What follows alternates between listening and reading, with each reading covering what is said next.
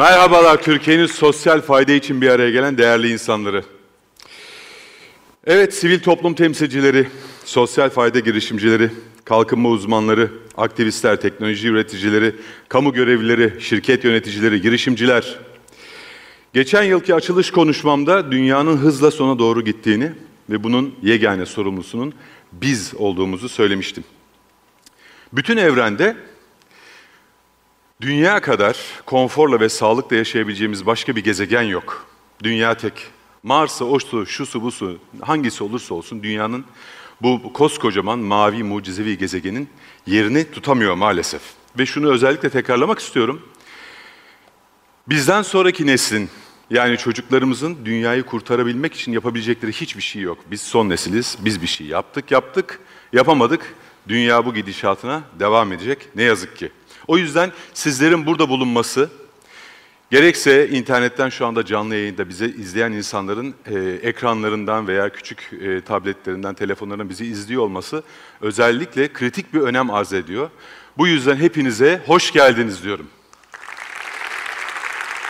Bu sene Türkiye'nin 6. Sosyal Fayda Zirvesi. Umarım güzel bir e, gün olur. Hepimizin için faydalı ve güzel çıkarımlar yapabileceğimiz bir gün olur. Zor bir dönemden geçiyoruz. Evet, bir yandan çok parlak genç bir nesil yetişiyor. İnsanlar daha bilinçleniyorlar, çözümler üretiliyor ama sorunlar nedense çözümlerden daha hızlı bir şekilde büyüyorlar.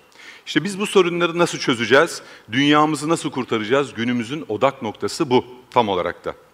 2030 şimdi diyerek UNDP ülkeler, yerel yönetimler, şirketler, sivil toplum kuruluşları, medya, sanatçılar, aktivistler, kısacası hepimiz bu son dönemeçte yeni bir başlangıç yapmak üzere sürdürülebilir kalkınma amaçlarında birleştik. Bu konuda anlaştık. Dünya liderleri de 2030 yılı sonuna kadar 3 önemli işi başarmak için 17 küresel amaç üzerinde uzlaştı. Neydi bu üç önemli iş? Kısaca hatırlayalım. 1. Aşırı yoksulluğa son vermek. 2. Eşitsizlik ve adaletsizlik ile mücadele etmek. 3. İklim değişikliğinin önüne geçmek. Bu amaçları yerine getirebilmek için neler yapabiliriz diye geçen sene bir toplantı yapmıştık yine böyle. Sizler gibi ve mutlaka sizlerin arasından da olan pek çok katılımcımız vardı. Bir sürü insan geldiler, kendi buldukları çözümlerden bahsettiler, neler yaptıklarını. E, bunlardan biz ilham aldık, bazılarına katıldık, bazılarını büyüttük ve e, bir yandan da umutla dolduk. Peki geçen sene ne konuşmuştuk? Onları bir hatırlarsak, bir kere geleceğin değerlerini konuştuk. İnsanlık için yapay zekayı konuştuk. Sanatın haritası. Turizm yoluyla sürdürülebilirlik, sosyal girişimcilik, afetlere hazırlık. Bu husus özellikle İstanbul'da yaşayanlar için çok mühim. Ee, yakın bir zamanda güzel bir sallandık. O yüzden e, hepimiz herhalde tekrardan taze bir şekilde bu konunun üzerine düşünmeye başlamışızdır diyorum. Nitelikli eğitim, sosyal faydanın finansmanı. Sosyal faydanın finansmanı derken size bir iki rakam vermek istiyorum. Türkiye bir senede dünyadaki sorunların çözümüne katkı olsun diye 8.1 milyar dolar harcıyor. Bu rakam size çok büyük gelmesin. Şöyle anlatayım, size bir adım daha yukarısı. Dünya insani yardım için dünyada toplanan para 140 milyar dolar. Ama yeterli değil. Hiçbir şekilde. Nedenini söyleyeyim. Dünya üzerinde e, pek çok global şirket var. Bunların bazıları gerçekten tarihte olmadıkları kadar büyükler. Bu 140 milyar dolar o bazı şirketlerin bir senelik gelirlerinden az. Yani dünyayı bu halde giden vaziyeti düzeltmek üzere yatırılan para, bütün dünyada toplanıp yatırılan para bir şirketin senelik bütçesinden çok daha az. Dolayısıyla yapılması gereken çok şey var. Bir yandan her beş saniyede hala bir çocuk maalesef ölüyor. Son 5 senede Hindistan'da 4700'ün üzerinde çiftçi intihar etti. Bilmiyorum, muhakkak ki haberiniz olanlar vardır ama bilmeyenler için enteresan ve çok acı bir haber bu. Ee, kuraklık ve gelecek kaygısı yüzünden intihar ettiler. Bu da aşağı yukarı 5 seneye böldüğünüz zaman günde 2-3 çiftçinin intihar etmesi demek oluyor. İnsanın o eşiğe gelmesi gerçekten kolay değil. Geçen yıl 70 milyon insan, ha bu arada e, o Hindistan'la ilgili bir şey söyleyeceğim. Hindistan'da aşağı yukarı 300 milyon civarında sanıyorum insan yaşıyor ve bunun %40'ı şehirlerde yaşıyor. 2020'ye kadar 21 şehrinde Hindistan'ın yeraltı kaynağı dahil su kalmayacak. O insanlar o şehirlerden göç etmek zorunda kalacaklar. Yaklaşık 120 milyon insan. Bu sadece Hindistan'ın sorunu olmayacak. Sadece Pakistan'ın, Türkiye'nin, dünyanın sorunu olacak. Bu hareketlerden şu anda henüz, e, şu anda henüz 70 milyon insan geçtiğimiz sene bulunduğu, yaşadığı yerden ayrılmak zorunda kaldı. Göçmen ya da sığınmacı oldular. Dünyada geçen yıl 66 bin kadın şiddete maruz kalarak öldürüldü. İnsan eliyle oluşan afetlerdeki kayıp, yine rakamsal konuşursak 144 milyar dolar.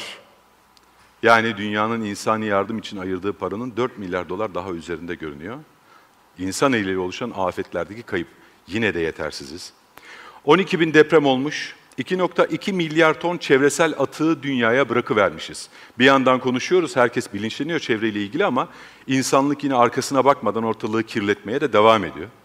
Ve son bir yılda 130 milyon tane çocuk dünyaya gelmiş. Bu güzel bir haber ama ne yazık ki bu 130 milyon çocuğun 4 milyonunu 5 yaşına gelmeden kaybedeceğiz. Bunların hepsinin düzelmesi gerekiyor. Liste daha çok kabarık. Gününüzü sabahtan karartmak istemiyorum. Bunlardan çok konuşabiliriz. Yani böyle kaygılanmak, olumsuzluğa odaklanmak bir çözüm değil. Nihayetinde sorunlar karşısında kendimizi çaresiz hissederek boş mu vereceğiz? O da doğru değil. Peki umutlanıp sadece umutlu olarak oturacak mıyız? O da değil sonuçta saksı değiliz. Bir şeyler yapmamız gerekiyor. Peki yeterli vaktimiz var mı? Hızlı mıyız, yavaş mıyız? Kafamızda yüzlerce soru sorun. Nihayetinde dünyanın kurtuluşunun neresindeyiz? Birçoğumuz bir şeyler yapmak istiyoruz. Burada olsun olmasın herkesin kafasında dünya ile ilgili bir şey yapmak vardır. Ama nedense kendimizi yetersiz, bilgisiz ve aciz hissediyoruz bu sorunlar karşısında. Çünkü sorunlar çok büyük, çok komplike, çok fazla şey yapılması lazım, büyük işler yapılması lazım diye düşünüyoruz ama aslında öyle değil. Nasıl ki biraz evvel söyledim, neydi rakam? 2.2 milyar ton çevresel atığı yapabiliyorsak, bireysel olarak 2.2 milyar ton çevresel atığı azaltabiliriz. Veya elektriği daha az harcayabiliriz. Kişisel ne yapabileceğimiz çok önemli. Direkt, çabuk çözüme ulaşabiliriz. İşte biz bu yüzden bu senenin e, hashtagini bugünkü temamızı, bu seneki temamızı iyiliğe giden en kısa yol olarak belirledik. Kişisel olarak ne yapabiliriz? Kısa, çabuk çözümler. Bugün yaptım oldu. Benim yaptığım küçücük bir şey büyük kitleye dönüştüğü zaman şuna buna sebep oluyor diyebileceğimiz çözümler arıyoruz bugün. Bugünün ana konusu, alt başlığı bu. Sizin mutlaka yaptığınız kısa çözümler vardır. Onlarla ilgili bize örnekler verin mesela. Hashtag, ee, bir dakika onu da hemen bulayım. Şurada bir yerde yazıyordu. Önceden söylemiş olacağım. Kısa yollar şimdi hashtag ile internette paylaşabilirsiniz. Arkadaşlarımız bunu takip edecekler. Sizin kısa yollarınızı dünyayı kurtarmak için bireysel olarak yaptığınız, kişisel bulduğunuz çözümleri mutlaka hashtag kısa yollar şimdi e, etiketiyle paylaşın. Biz bunları toparlayacağız. Gün sonunda bunlarla ilgili ufak bir özeti sizlere sunacağız. Güzel bir e, tablo çıkabilir ortaya. Artı bunu biz internette de paylaşacağız. Bunu da söylemek istiyorum. Bu arada İsviçrelerin güzel bir sözü varmış. Enkelmen funkhule. Basit ama fonksiyonel. İşte aradığımız çözümler böyle çözümler. Mesela benim aklıma neler geliyor? Tabaklarınızda yemek bırakmayın. Hala bırakanlarınız var mı? Anneleriniz söylüyordu size. Yemek kolay gelmiyor tabağınıza. Satın aldığınızdan çok daha fazlasına mal oluyor aslında o yemek. Bir hamburgeri, mesela geçen sene de buna benzer bir örnek vermiştim. 15 liraya, 16 liraya satın alabiliyorsunuz ama o hamburgerin içerisindeki et aslında eti için ve ekmek için ve salatalık, turşu her şey için harcanan suyu aslında 15 liraya satın alamazsınız. 3,5 ton sudan bahsediyoruz. Bir hamburgerin yapılması için gerekli olan su. Dolayısıyla yemek çok kıymetli. Daha az et yiyin mesela. Gıdalarınızı düzgün saklayın, bozulmasına müsaade etmeyin. İhtiyacınız olduğu kadar alın. Mesela e, markete gittiğiniz zaman özellikle sağlıklı, düzgün görünen, düzgün görünen yanlış kelime. Bak alışmışız hepimiz. Sağlıklı, ama çarpık çurpukları satın alın. Bir sürü insan doğru görünmediği için o sebzeleri, o meyveleri tercih etmiyor. Siz özellikle onları satın alın. Diğerlerini zaten herkes alıyor. Veya su veya kahve için artık yeter. Tek kullanımlık bardakları bırakın. Kurtulun onlardan. Alın bir tane mak, evde yıkayın veya bir termos alın. Tekrar tekrar onu kullanın. Bunlar gerçekten çok büyük çözümler ve çok büyük faydalar getirecek şeyler. Mesela evdeki, ofisteki Özellikle evde gece yatarken elektronik televizyonun modemi falan bulunduğu bir köşe vardır. Onların hepsini bir tane uzatma kablosuna bağlayın. Geceliğin yatarken prizi çekin. Emin olun hem elektromanyetik dalgalardan kurtulursunuz, rahat huzurlu bir uyku çekersiniz, elektrik masrafınızı ve harcamanızı düşürürsünüz. Bunun gibi bir sürü çözüm sizin de mutlaka aklınıza geliyordur. Biraz önce dediğim gibi hashtag kısa yollar şimdi ile internette paylaşın, arkadaşlarınıza söyleyin, çıkın dışarıdaki STK'larda paylaşın, mutlaka bir şeyler yapın. Bize ulaştırın, biz de onu e, ulaşabildiğimiz her yere iletelim.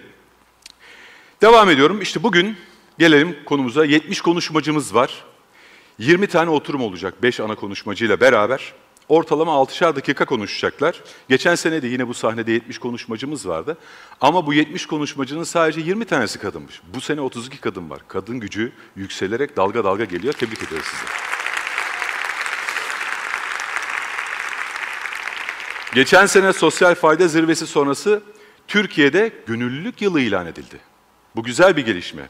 Artı insani yardıma ayrılan bütçe arttı. Bu da gösteriyor ki yapılan her şeyin muhakkak ki bir karşılığı var. Hiçbir şey boşuna değil.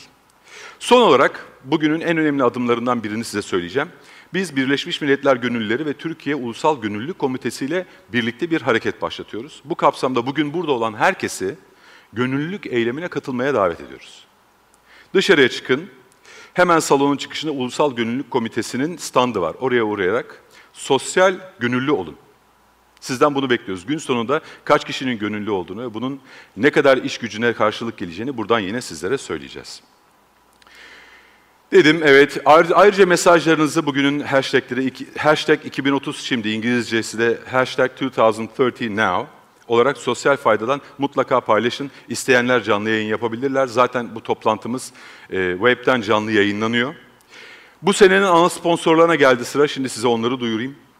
Doğan Holding, Zorlu Performans Sanatları Merkezi, Visa, Akbank ve Anadolu Efes. Hepsine teşekkür ediyoruz. Sağ olsunlar, var olsunlar. Ben konuşmamı burada kesiyorum. Günün ana önemli konuşmasını yapmak üzere alkışlarınızla sahneye UNDP Türkiye Mukim temsilcisi Claudio Tomasi'yi çağırıyorum.